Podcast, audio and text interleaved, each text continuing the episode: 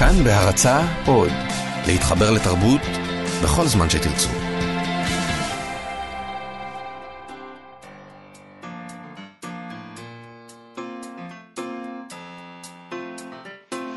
מה שכרוך עם יובל אביבי ומה יעשה לה. צהריים טוב, יובל ומאזינים, אנחנו מה שכרוך, מגזין הספרות היומי של כאן תרבות. אה, כבכל יום ב-12 בצהריים אנחנו כאן. אה, אפשר לשמוע אותנו ברדיו ובאתר האינטרנט של כאן אה, ובאפליקציה, ויש גם עמוד פודקאסטים למי שלא מספיק, ששם אפשר למצוא את כל התוכניות שלנו, ואת כל שאר התוכניות של כאן תרבות כמובן, איתנו באולפן, שירי לב-ארי, עפרה לחמי, מיכאל אולשוונג וגם יובל אני אביבי. פה, אני היי פה. יובל, היי. קטן, קשה להבחין בי. לגמרי. אה, נזכיר שאפשר אה, לשלוח אה, מסרונים בטלפון 055-966-3992. אני חושב שאנחנו הולכים לדבר היום על דברים שיהיה שווה להגיב עליהם במסרונים. נכון? יכול להיות שנתסיס יכול להיות את, ש... את הקהל. אתה רוצה להתסיס? אני אוהב להתסיס, אני פרובוקטור, את יודעת. הבנתי. אז אני האדם המתון פה. את- באשר עבדנו, עבדנו, אם אתה מתונה. 055-966-3992, וכאמור, אנחנו נדבר היום שוב על פוליטיקה, כי אין ברירה לדבר אה, רק פוליטיקה. אין דבר אחר פשוט. אז זהו, טוב שאין ברירה. היום אה, מציינים את יום השנה ה-77 למותו של זאב ז'בוטינסקי, אה, אחד מהמנהיגים הגדולים של הציונות, של הימין הציוני. אה, נדבר על הדרך שבה בחרו לזכור אותו, אה, וגם נדבר עם פרופסור דן מירון על שירתו. אה, נדבר גם עם פרופסור מיקי גלוזמן על השאלה הנצחית, האם החוגים לספרות באוניברסיטאות השונות כופות, כופים, סליחה, עמדות שמאל על הסטודנטים המסכנים? כן. אם נספיק, נדבר גם על שתי ביקורות. אה, הביקורת של אריאנה מלמד על הספר של אה, שם מזרחין, אה, שעליה כתב העורך עודד וולקשטיין ביקורת בפני עצמו, זה ביקורת, הביקורת, הביקורת.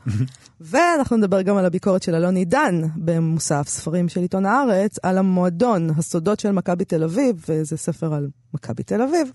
Uh, הביקורת הזאת התפרסמה uh, ביום שישי האחרון, אנחנו נדבר על זה כי אני מאוד אוהבת ספורט, גם אני מאוד אוהב כידוע, ספורט. כן, אנחנו שני אנשי ספורט. לגמרי.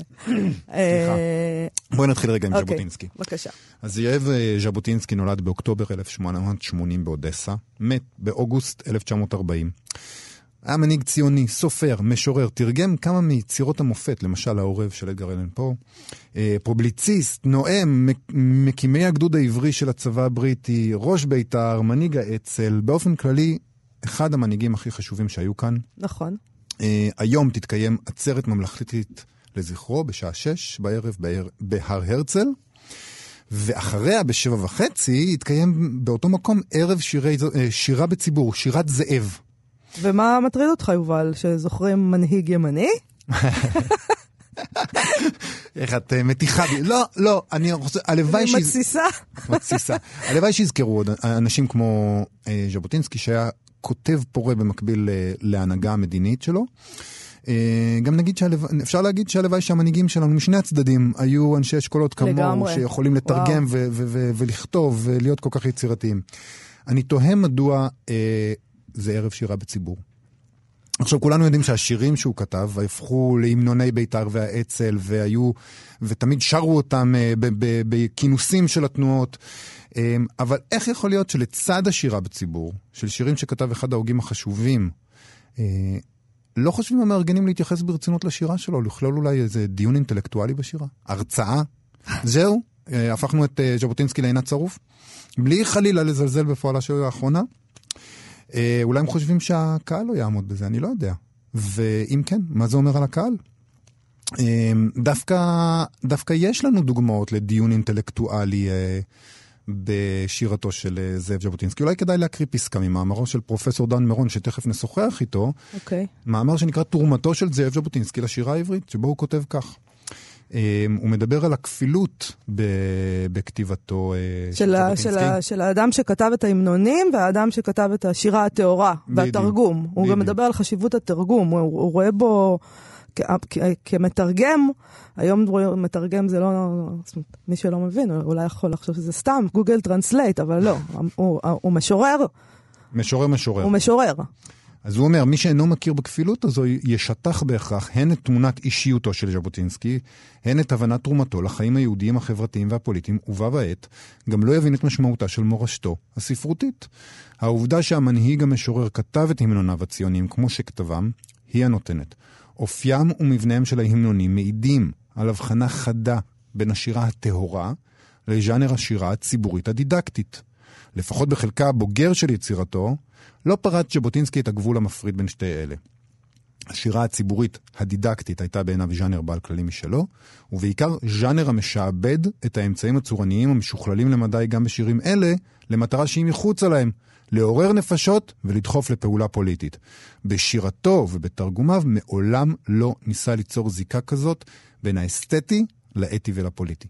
אדרבה, כאן הוא היה קרוב מאוד לאסכולת האומנות לשם האומנות, שרווחה בחוגים רחבים בימי נעוריו במפנה המאה ה-19 וראשית המאה ה-20. אז בגדול, נראה שממשיכי דרכו בחרו בצד אחד, מה שפרופסור מירון קורא לו השירה הדידקטית. ההמנון הדידקטי, אה, נכון, זה הערב שהתקיים היום בהר הרצל. יישאו בו דברים אה, יו"ר המועצה הציבורית להנצחת זכרו ומנכ"ל מחול, מכון ז'בוטינסקי, ואחרי זה תהיה שירה בציבור, כלומר, אתה יודע, השירה בציבור. אה, זו רדוקציה נוראית שעושים לז'בוטינסקי. אה, אני חושבת שאם היו צריכים להעמיק בשירת ז'בוטינסקי, אז אולי היו צריכים גם לשמוע ממנו דברים שפחות מוצאים חן ביניהם. זאת אומרת, אני, אני חושבת שזאת הסיבה לדבר הזה. למשל, קראתי מאמר בעניין הזה גם של פרופסור חנן חבר, אה, שנקרא שירת המנהיג ומנהיגות השירה, ובו הוא כותב על היחסים בין אורי צבי גרינברג לז'בוטינסקי, והוא מדגים עד כמה ז'בוטינסקי היה מתון לעומת אורי צבי, mm-hmm. ועד כמה היה ביניהם ויכוח אידיאולוגי נוקב. Uh, אם הם היו מתעסקים בשירה שלו, uh, אנשים שהולכים uh, לציין את 77 שנים למותו, אולי הם היו צריכים להיווכח בכך שמדובר באדם אליטיסט. וזאת הייתה מראה לאופן שבו הם נפרדו, חלקם, ואף מתגאים בכך מכל מה שהוא אליטיזם, מכל עדינות, מהספרות, מהשירה, מעולם המחשבה. אה, אני כמובן לא טוענת שכל הימין נפרד מהעדינות, חס וחלילה. אבל אתה מדבר כאן על טקס אה, ממלכתי, וההנהגה של תנועת החירות בוודאי נפרדה מכל רצון שידבק בה סממן אינטלקטואלי. וז'בוטינסקי היה איש משכמו ומעלה, הוא היה אינטלקטואל. אז אולי לא מתאים להם לעסוק דווקא בצדדים האלה שלו, הוא, הוא היה חירות במובן המאוד מאוד ישן שעבד לנו. אה, אגב, לא שאני מוצאת בהנהגת אה, השמאל ג'נטלמנים כמו ואינטלקטואלים גדולים, אבל זה שייך לתוכנית אחרת כנראה. אני רוצה לסיים בציטוט מחנן חבר. אני אני תמיד דבק במה שהם כותבים, אני לא יודע למה, דבק במה שהם כותבים. בצדק, הם, הם חקרו את זה, חקרו אז אותו, אפשר כן. לדבוק בזה. אז בואי נשמע מה כותב חנן חבר, הוא כותב, הניגוד הזה בין, uh, בשירתם של ז'בוטינסקי ואורי צבי גרינברג, הוא בין שירה נשגבה ובין תביעה למרד מיידי וקונקרטי, בדומה למה שפרופסור מון כתב. יורד לשורשי הניגוד שבין הימין הרדיקלי, הפשיסטי, כך כותב חבר, שגרינברג יונק ממנו את עולם הדימויים והסמלים המזינים את שירתו, ובין הימין הלאומי של ז'בוטינסקי, שמקיים זיקה עם האוטונומיה האזרחית של האינדיבידואל, ורואה בה לאום מסגרת חיונית ומחייבת, אבל אין היא טוטאלית בעיניו. עולם הספרות שעליו הוא מתרפק ועל חשיבותו הוא חוזר ומעיד, הוא עולם בורגני קלאסי ומערבי, מחויב לרשימת ספרי מופת. מחויב לרשימת ספרי מופת. מחויב, כן. נקריא, אה, נקריא, אולי נעצור רגע ונקריא שיר? יש לנו זמן להקריא שיר של ז'בוטינסקי? כן, שירי, ברור. שיר אסירי עכו שנכתב בכלא בשנות ה-20. כן, זה יותר בש... ב... מההמנונים. מההמנונים, כן. אבל נקריא. בבקשה. מיני דן עד באר שבע, מגלעד לים, אין אף שעל אדמתנו, לא כופר, חופר בדם. דם עברי רבו לשובע, ניר והר וגיא, אך מדור ודור לא נשפך טהור, מדם חורשי תל חי. בין איילת ומטולה, בקברו דומם, דום שומר גבול ארצנו, גיבור גידם. אנו שבי אך ליבנו, אלי תל, חי, אלי תל חי בצפון. לנו לנו תהיה לנו כתר החרמון. אני אוהבת המנונים, אתה יודע את זה כבר, אני נכון? אני יודע. תשמע, אה, בוא נזכיר למאזיננו שאפשר לשלוח מסרונים אלינו אה, ולספר לנו על המעשים שלהם ב-055-966-3992. אה, כמו כן, אם חשקה נפשכם לציין הערב את זכרו של זאב ז'בוטינסקי, אתם יכולים לעשות זאת בשעה 6 בהר הרצל. ואחר כך בערב השירה בציבור, שירת זאב. ואנחנו נדבר עכשיו, נעבור לדבר עם פרופסור דן מירון מחוקי הספרות העברית החשובים בעולם, על שירתו של ז'בוטינסקי. שלום, פרופסור מירון. שלום. שלום לך. Uh, תשמע, במאמר שכתבת וקראנו על תרומתו של ז'בוטינסקי לשירה העברית המודרנית, אתה מתאר את ז'בוטינסקי uh, שבשנת 1923 התפטר או התפוטר מהנהלה ציונית, התפטרות שנעשתה בלתי נמנעת בגלל חילוקי הדעות uh, שהיו לו עם חיים ויצמן, מנהיג ההסתדרות הציונית. והוא בעצם אז כותב, אה, הוא מוצא את עצמו ללא עיסוק קבוע, ללא מקורות פרנסה, אה, מחליט להתמסר לענייני ספרות והוצאה לאור. אתה מצטט אותו כאומר, לא עוד מדיניות לי, אם ויצמן יצא או יאולץ לצאת, יש לו שעשוע, כימיה. ואני, השעשוע שלי זאת ספרות. במקרה כזה אעסוק בדנטה. אני מטבעי יושב אוהל, והבריות תמיד סחבו אותי לפוליטיקה. אה, מצד שני, אתה מציין גם שחוקרי תולדות השירה העברית התעלמו כמעט לגמרי מז'בוטינסקי. אולי כי תרם רק צרור לא גדול של תרגומי, ש... תרגומי שירה, קובץ המנונים, ואתה טוען שההתעלמות הזאת יסודה בטעות ובאי הבנה של חשיבות התרגום. אולי אתה יכול להסביר לנו את חשיבות התרגום שלו.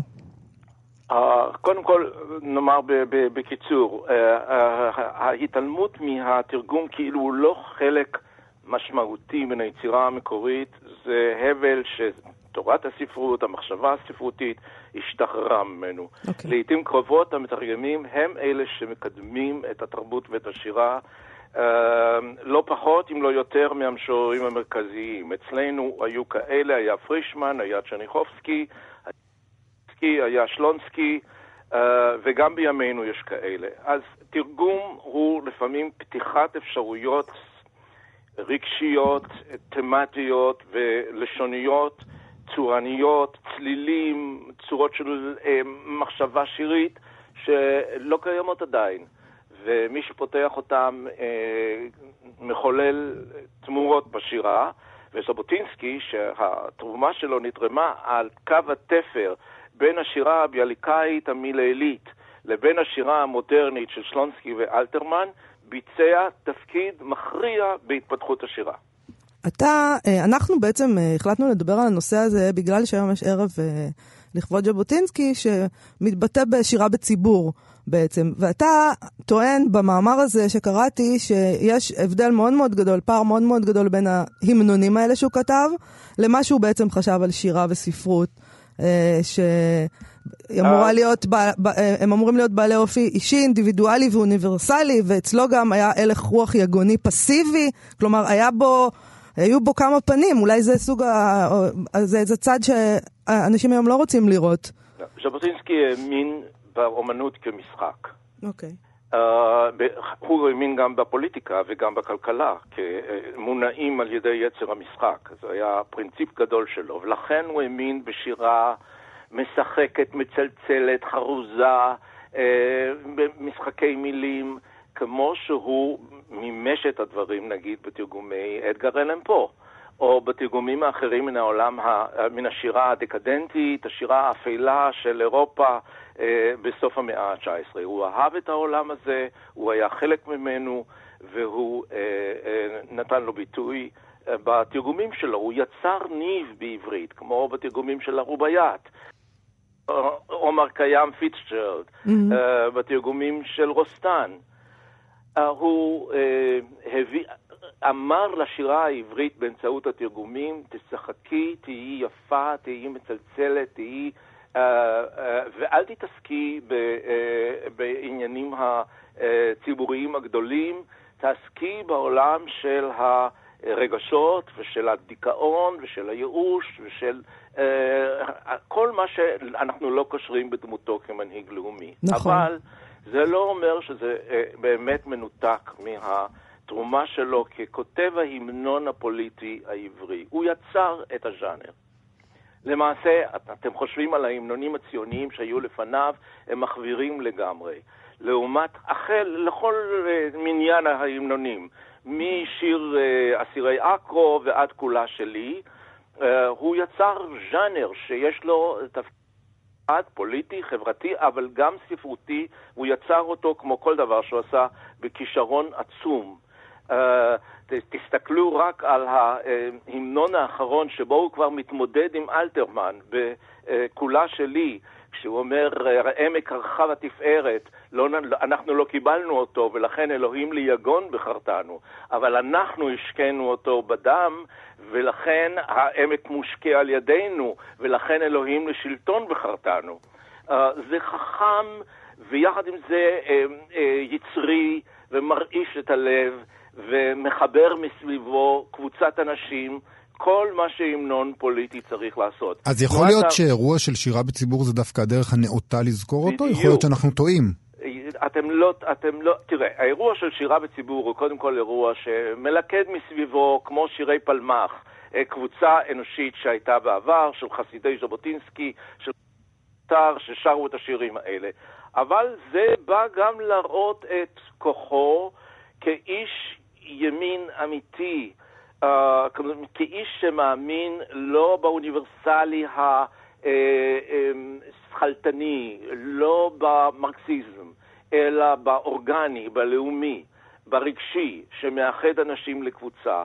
והאיש הזה כתב את ההמנונים הפוליטיים שלימדו אחרים איך לכתוב. לפנ... לפ... לפניו לא נוצרו המנונים שיכלו ללכד מסביבם קבוצה ועוד קבוצה נצורה, קבוצה שנמצאת במאבק בתוך המערכת הפוליטית. Uh, ז'בוטינסקי היה, uh, היה לו מגע קסם. מצד, מצד שלישי אולי של הנושא הזה, גם בהמנונים שלו יש טענה שהוא הציג עמדה פייסנית יותר מהמשורר ה... הימני השני הגדול, אורי צבי גרינברג, שהיה לכאורה יותר אה, ניצי, זה נכון? תראה, אורי צבי גרינברג וז'בוטינסקי הם שני עולמות נפרדים, שהייתי אומר, מלבד באיזה רובד פוליטי חיצוני, לא עולים בקנה אחד. אה, ז'בוטינסקי הוא איש אירופה, איש תרבות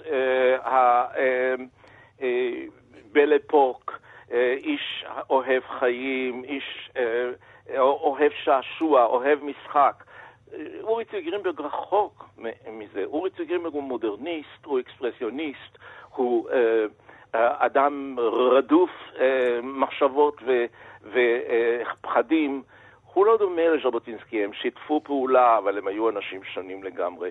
אה, אורי צבי גרינברג למעשה לעולם לא יכול היה לכתוב המנון, כי הוא אה, לעולם ביטא ישירות את עצמו, את מצוקותיו, את מועקותיו.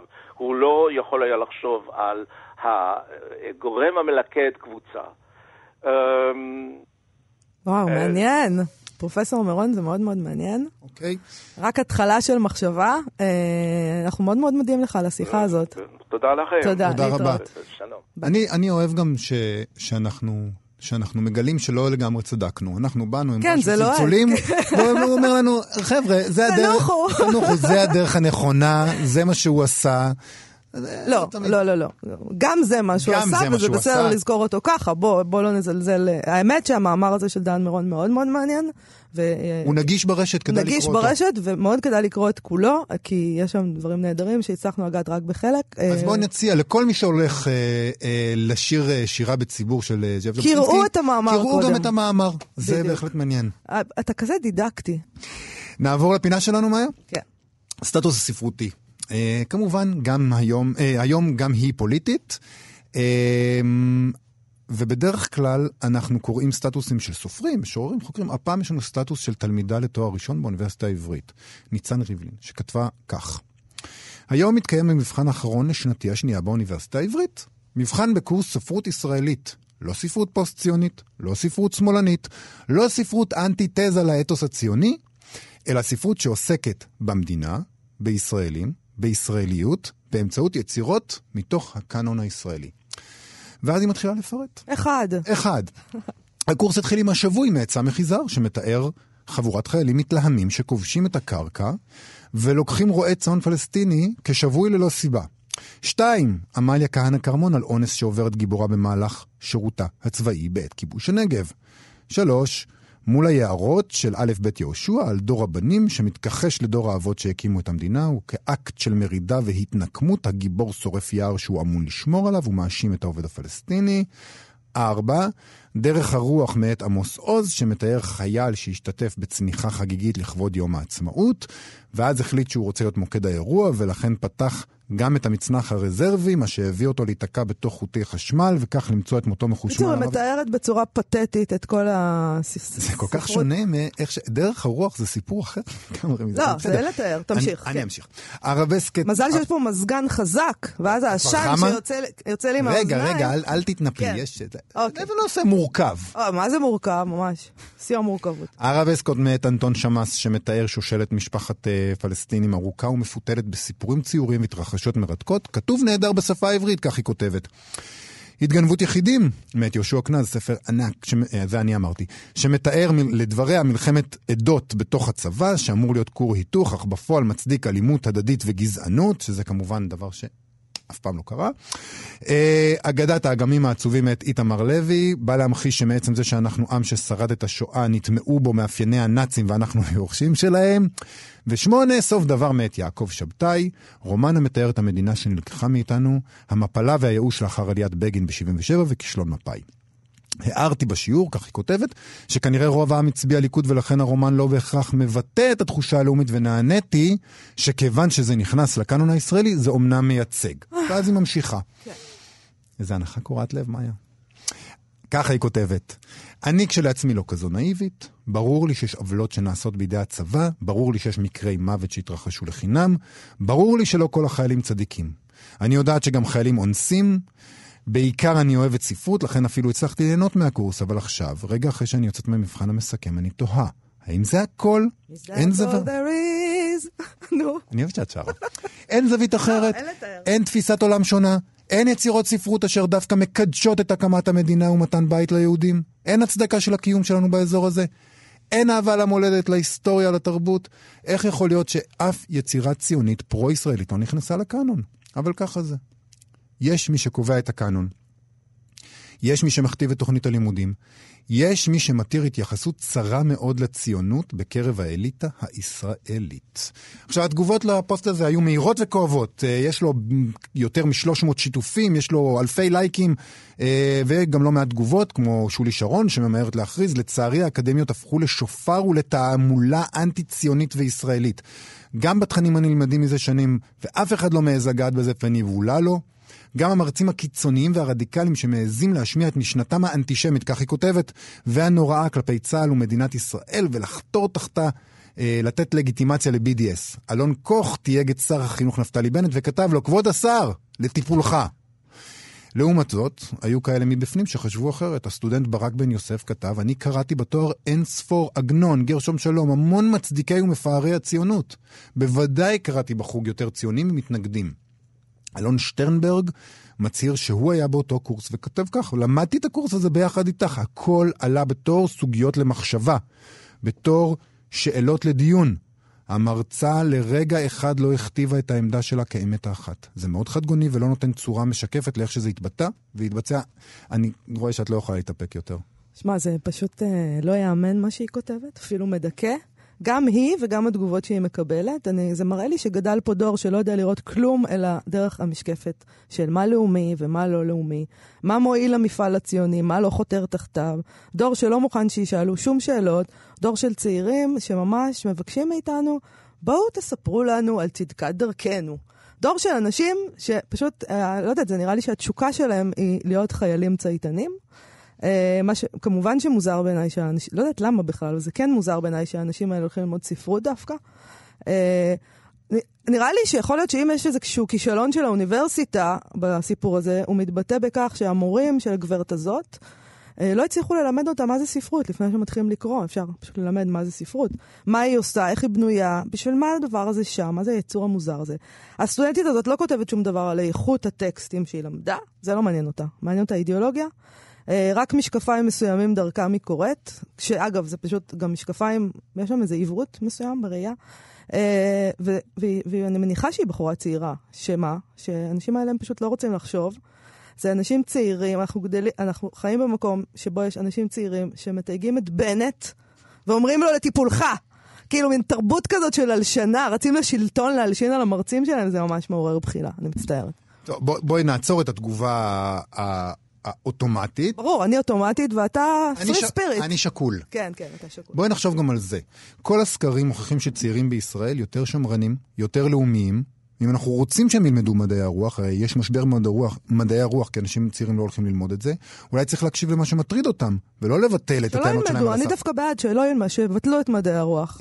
אתה ישר כזה מתקפל ואומר, יאללה, בוא נמצא דרך למצוא חן ביניהם. כאילו. בוא, בואי, בואי נשאל את זה את פרופסור מיקי גלוזמן, לשעבר ראש החוג לספרות באוניברסיטת תל אביב. שלום מיקי.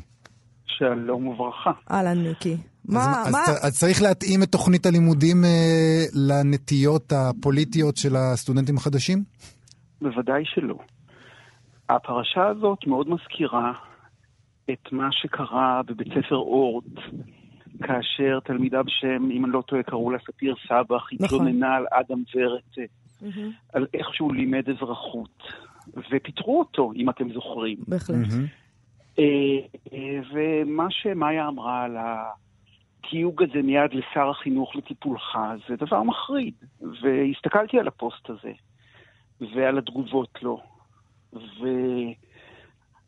והיו שם הרבה מאוד תגובות בנוסח, מי זה יעקב שבתאי? למה צריך לקרוא? לא שמעתי. עליו בחיים, למה צריך נכון, לקרוא אותו? נכון, נכון. כן. אז תקשיבו, זה קידוש הבורות, וזה אה, זה מביש. אה, אבל אני רוצה שנעזוב רגע את התלמידה הספציפית הזאת ואת המגיבים הספציפיים שהגיבו לה, ונחשוב רגע מה התפקיד של הספרות. מהמם. האם התפקיד של הספרות היא להציג בפנינו מראה אה,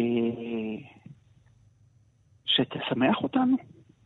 מהמם. כש, כשטולסטוי כתב את אנה קרנינה, אה, הוא לא כתב על הצביעות הנוראה של האצולה הרוסית, ש, ש, שכל מנהגי הצביעות ומוסר כפול ש, ש, שלמעשה מוליכים את הגיבורה הזאת אל מותה, כאשר אה, הוא מבקר את ביקורת נוראית, את מעמד האצולה ליחס שלו לאריסים ולצמיתים ברוסיה.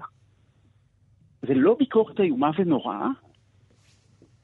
כאשר אה, בלזק בסזר בירותו מתאר מישהו שנורא רוצה להתעשר ומתעשר ומתעשר ומשקיע ומגיע לפשיטת רגל נוראית, זה לא ביקורת קטלנית של הבורגנות הצרפתית? אבל אה, אתה מרגיש שהרשימה שהתלמידה הזאת כללה בסטטוס, לא, היא מייצגת את מה שקרה בספרות העברית בעשורים האחרונים? אולי בכל זאת יש יצירות ש... שתואמות למה שהיא מתארת, והן עדיין ראויות להיכלל ברשימה כזאת? אבל השאלה אם תשמע, צריך לבחור אה, ספרות אה, לפי עמדות, יובל, זאת שאלה. רגע, אני. חושב שכל, אני, אני, שואל- אני חושב שהאופן שבו היא קראה את היצירות הספציפיות האלה היא מזעזעת.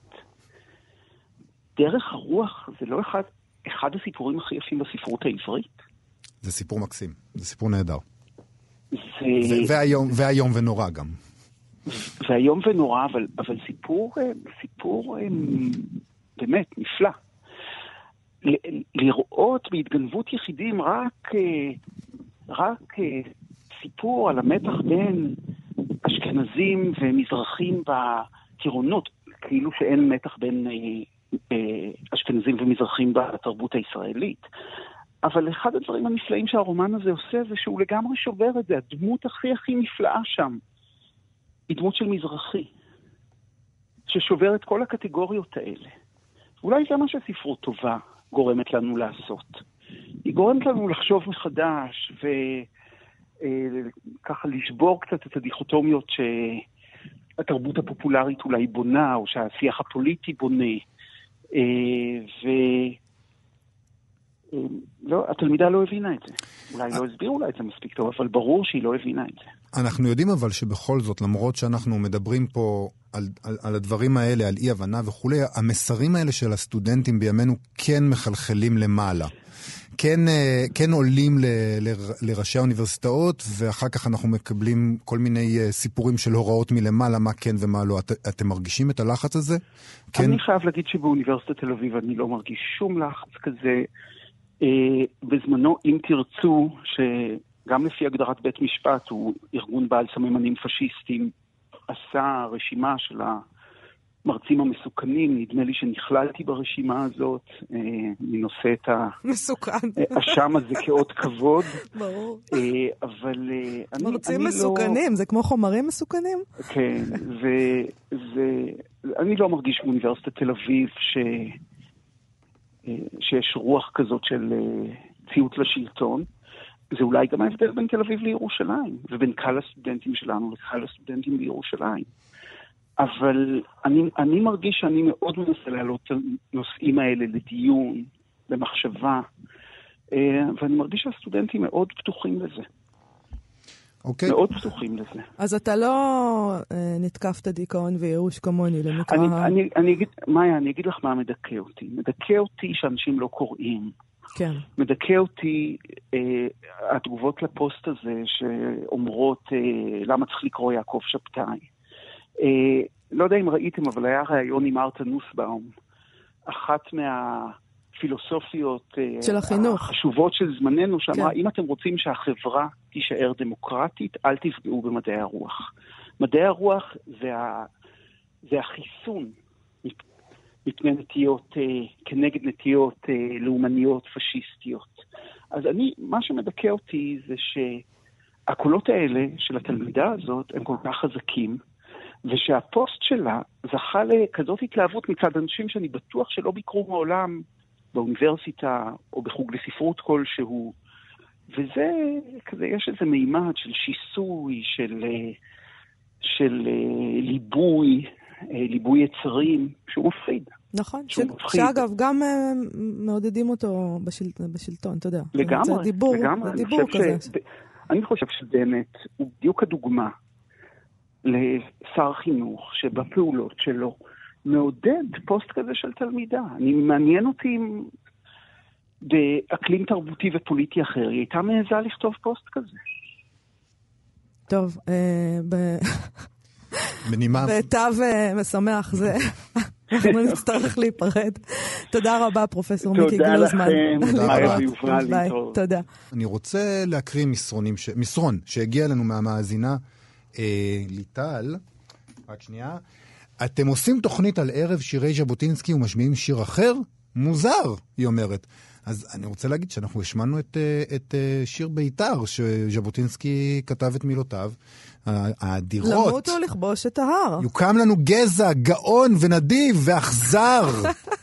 מה מה עוד מה אפשר קרה, לדרוש? ליטל? כאילו... ליטל גם אה, אומרת, חבל שלא נתתם לדן מירון לסיים את דבריו, אני לא יודע, טוב, אולי, אולי. לא שמנו לב.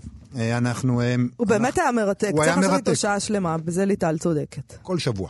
נכון. נעבור... אה, Uh, כן, אני חושבת שנעבור אה, לדבר על הטקסט שכתב המתרגם והעורך עודד וולקשטיין בכתב העת האינטרנטי אודות. הוא כתב בעקבות רשימה של אריאנה מלמד שכתבה על הרומן אח שלי איוב של שמי זרחין, אה, וכך הוא כותב, הוא, הוא, הוא מגיב לביקורת מאוד קטלנית של אריאנה מלמד על שמי זרחין. אפשר כמעט לשמוע את הנחת הרווחה של אריאנה מלמד כשהיא מזהה באח שלי איוב, הרומן החדש של שמי זרחין. נקודה אחת שמסתדרת עם הרצף הידוע, המעובד, הלעוס של הסיפור הישראלי. נקודה יחידה לרפואה, המספקת לה הזדמנות בלתי חוזרת להתאמה חד משמעית, כמו במסדר זיהוי. הנה, ומלחמה שעל פי אזכור זמן יחיד בספר, זה הציטוט של אריאנה מלמד, אה, 1982, היא כמובן מלחמת לבנון הראשונה. כמובן. או ארץ הצפונית, מוטב כמובן מאליו, או איך לקרוא לרגע שבו הספרות קופאת כאיילה על כביש מהיר תחת אלומות פנסיה של המציאות, ומספרת לנו את מה שאנחנו כבר יודעים. רשימתה של מלמד עשויה תשוקה אחת, לשקול את הספרות כנגד המציאות המוכרת עד תום ומנוסחת עד דום, ולייצב את כפות המאזניים ברגע דמום וסולידי של איזון. אגב, זה די מתכתב עם הסטודנטית ממקודם, שעושה כזה אחד לאחד עם המציאות. מלחמת לבנון מספקת לרגע חטוף של איזון כזה, מגובה בציון זמן יחיד. היא מבקשת להעיל בכפותיה על השלהבת הרועדת. איזה יופי הוא כותב. אלא שרוח הפרצים של הרומן חוטפת אותה מידיה. או בלשונה, זה יכול היה להיות גרעין משובח לסיפור אנטי-מלחמתי יפהפה. הוא מסיים, אה, וולקשטיין כך, כן, זה יכול היה להיות רומן אנטי-מלחמתי, שדוף, צפוי ומשעמם, אבל זה משהו אחר לגמרי. זה ספר שבא עד נבחי ים, הוא מתהלך בחקר התהום. ספר שאינו מתאים ואינו מתכתב ואינו משרת. ספר שאינו מהדהד מחאות עבר, אלא מחולל למחאה שעוד לא נשמעה. כי הספרות היא הערעור המתמיד על שלטון העריצים של האובססיה המסנכרנת שמלמד מבצעת ברשימתה. כי הספרות לא מתאימה ולא מתכתבת ולא משרתת. הספרות מקיימת יחסים דיאכרונים, כן, אנכרוניסטים, וכן, חסרי איפוק עם המציאות, כדי לחשוף את היחסים הדיאכרונים הפעורים במציאות עצמה. כדי לקיים, בפועל ממש, את הממדים שבהם המציאות אינה מתאימה לעצמה, ואינה מתכתבת עם עצמה, ואינה משרתת את עצמה.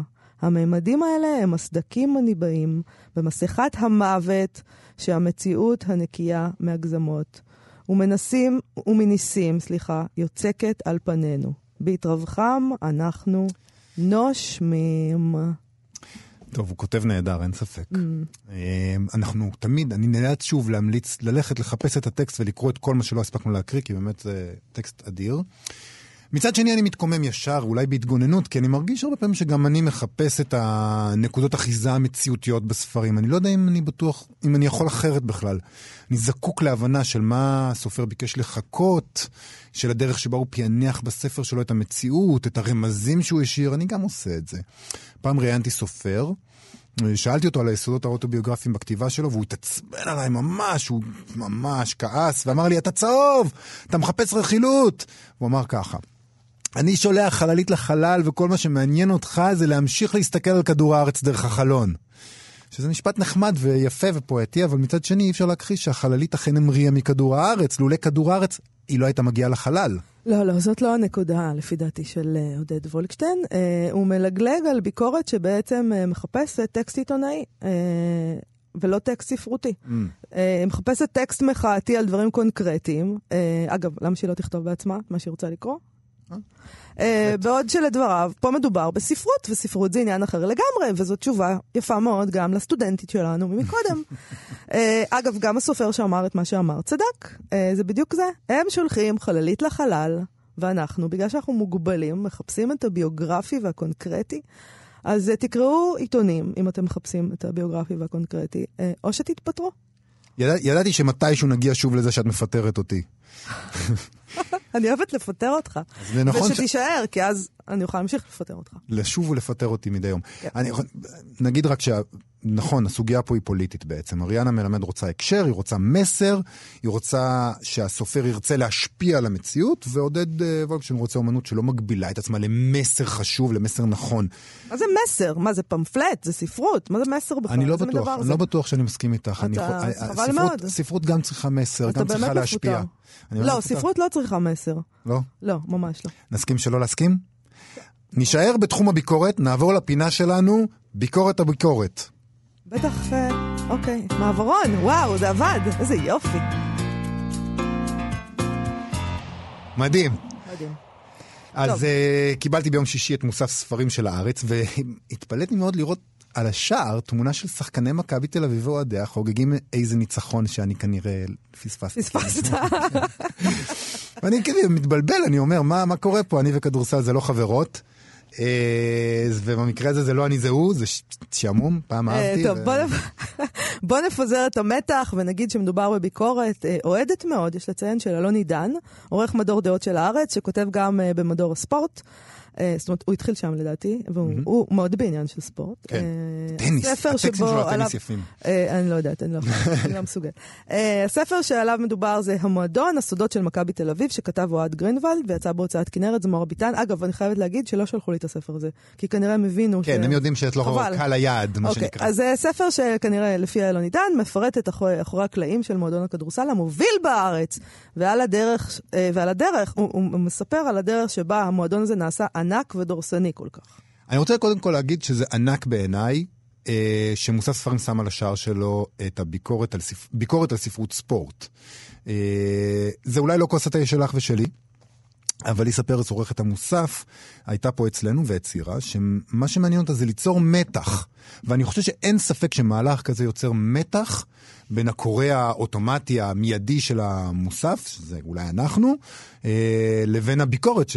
לא יודעת, יובל, אצלי זה לא מייצר שום מתח. אני, לא? אני על דברים כאלה פשוט אה, מדלגת הלאה. לא, אני ממש. יצרתי לקרוא את זה, אוקיי. כל כך התלהבתי. אני כאילו ראיתי טוב, אלון עידן, אה, ספורט, אפילו לא אמרתי לעצמי כדורסל, מכבי תל אביב, כדורגל וזה, אבל אני חייבת להגיד, כן להגיד לך, שפעם אחת אה, לפני שנים, כשעבדתי ב... ככתבת ספרות בארץ, קיבלתי משימה לראיין את כריסטופר מקדוגל, שכתב ספר בשם אה, נולד לרוץ. איזשהו, זה ספר על ריצה, שזה באמת נושא שלא מעניין אותי בכלל.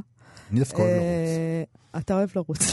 שעות פשוט נוראי. אני מכין את עצמי לרגע שבו אני אצטרך לברוח. אבל אני התחלתי לקרוא את הספר הזה, אה, כי הייתי צריכה, ל... אני קוראת את הספרים שאני הולכת לראיין מישהו, אני צריכה לקרוא את הספר. מאוד. מקצועי מצידך. יפה, אז, אה, ואני חייבת להגיד לך שלא יכולתי להפסיק. זה ספר אדיר. אה, אוקיי. אוקיי? אני מניחה שאנשים אה, שרצים ימצאו בו דברים אחרים ממה שאני קראתי, או יותר, אה, זאת אומרת, יש שם יותר דברים שיעניינו אותם, הם יראו את זה אחרת, אבל זה ספר שהוא במידה רבה מבחינתי, הוא ספר אנרכיסטי, שהוא בכלל לא על ריצה, הוא, הוא על חופש, והוא על קפיטליזם, והוא על פראות. ובסופו של דבר, אה, הרעיון הזה היה אחד הרעיונות הכי מעניינים שעשיתי. היה תענוג לדבר עם האיש הזה שכתב את הספר. אה, ועוד דוגמה ל, ליחס, זאת אומרת, אני כאילו הכי מזלזלת, לא מזלזלת, אני פשוט לא מתעניינת בספורט, אבל מצד שני אני יכולה להגיד לך שראיתי את טהורה לעד, שזה סרט דוקומנטרי שעשתה מאיה זינשטיין, מהמם. על בית, כאילו על ביתר ירושלים, ובהתחלה, גם כאן, חשבתי לעצמי, מה לי, ול- מה, מה זה מעניין אותי ביתר ירושלים? אבל אה, לא. אולי ספורט זה גם תמיד עלינו, אם יודעים לספר סיפור. זה, זה בדיוק הנקודה. בישראל ככה מזלזלים אה, אוטומטית בספרות ספורט, כמו שפעם זלזלו בספרות מתח, אבל אם אתה עושה את זה כמו שצריך, זה יהיה דבר גדול. ונדמה לי שזה בדיוק מה שאלון עידן אה, כותב בביקורת שלו, שזה ספר גדול בהרבה מהמסגרת המקבילה הזאת, לכאורה. נכון, הוא מתאר אה, איך בספר מפרטים אה, לגבי עלייתו של שמעון מזרחי, אה, התנהלות שלו. אה, גיבור ספרותי חד פעמי, אה, אלון עידן קורא לו, מתאר כיצד אלו השנים שבהן מכבי תל אביב מתנפחת ומתייהרת, ובהכרח הופך, הופכת לפרנואידית. היא מרגישה שעליה לשלוט בכל היבט אפשרי, בחוקים, בתקשורת, בכסף הגדול, ביריבים הפוטנציאליים, אחרת תיפול מכס המלוכה. עוד הוא כותב, כשאוספים את החבילה הזאת, שמתוארת בכישרון רב ולפרטי פרטים ומביטים במר... ממרחק, המועדון הופך למעין מטאפורה לישראל עצמה, לאופן שבו נולדה, התפתחה, אלתרה, הבריקה, תחמנה, השתלטה, הסתאבה, נסדקה והתפצלה. למשחק הכפול שילווה את התנהלותה. היא תחגוג את ישראליותה בגאון, ובמקביל תעוות את אותה ישראליות לשימושה הפרטי. לבחירה האסטרטגית שלה, לנצח בכל מחיר, תוך השקעת אנרגיות אדירות במחיקת היריבים, גם כשאלה מגרדים את שאול התחתיות. זה חזק. לא, לא נדע יודע לכתוב. פסקה אדירה, כן. וגם הוא מסיים בזה שכאילו מי שיקרא את הספר ויכול לחשוב שכל הדברים האלה נהדרים אם הוא אוהב את מכבי, או אם הוא אוהב את התנהלותה של ישראל. אתה יכול או לחשוב שזה ביקורת או לחשוב שזה נהדר. אה, כמובן זו פסקה מאוד מאוד פוליטית. אה, עכשיו בא לי לקרוא את הספר הזה שעוד לא קראתי אותו כי נחשפתי לקיומו רק ביום שישי האחרון. כי גם הביקורת עושה עבודה מעולה בלעניין לגביו ולהחמיא לו, אבל גם uh, כי מתחשק לי לראות האם ההקבלה הזאת נוצרה רק במוחו של uh, אלון עידן, או שהיא קיימת ממש גם בספר. אני בכל זאת אה, אחכה לספר על הפועל תל אביב, במחילה. יש גבול, באמת. לקרוא ספר על מכבי, טוב, אולי, אני אחשוב על זה. אנחנו צריכים לסיים. כן, אה? טוב, אבל אה, בסדר, נו, מה אפשר לעשות? אז אה, סיימנו להיום. כן. כנראה. אה, אני לא אקריא את המכתב של אה, שז'בוטינסקי כתב לאשתו, אולי מחר. אולי מחר. טוב, אז אנחנו נהיה כאן שוב מחר ב-12. את התוכנית שלנו אפשר לשמוע מוקלטת, כמו את שאר התוכניות של כאן תרבות, בעמוד הפודקאסטים ולא רק ברדיו. אנחנו כאן ראשון עד רביעי. תודה רבה לעפרה לחמי, שירי לב-ארי ומיכאל אולשוונג. להתראות, יובל. להתראות. ביי. נשאר אדיש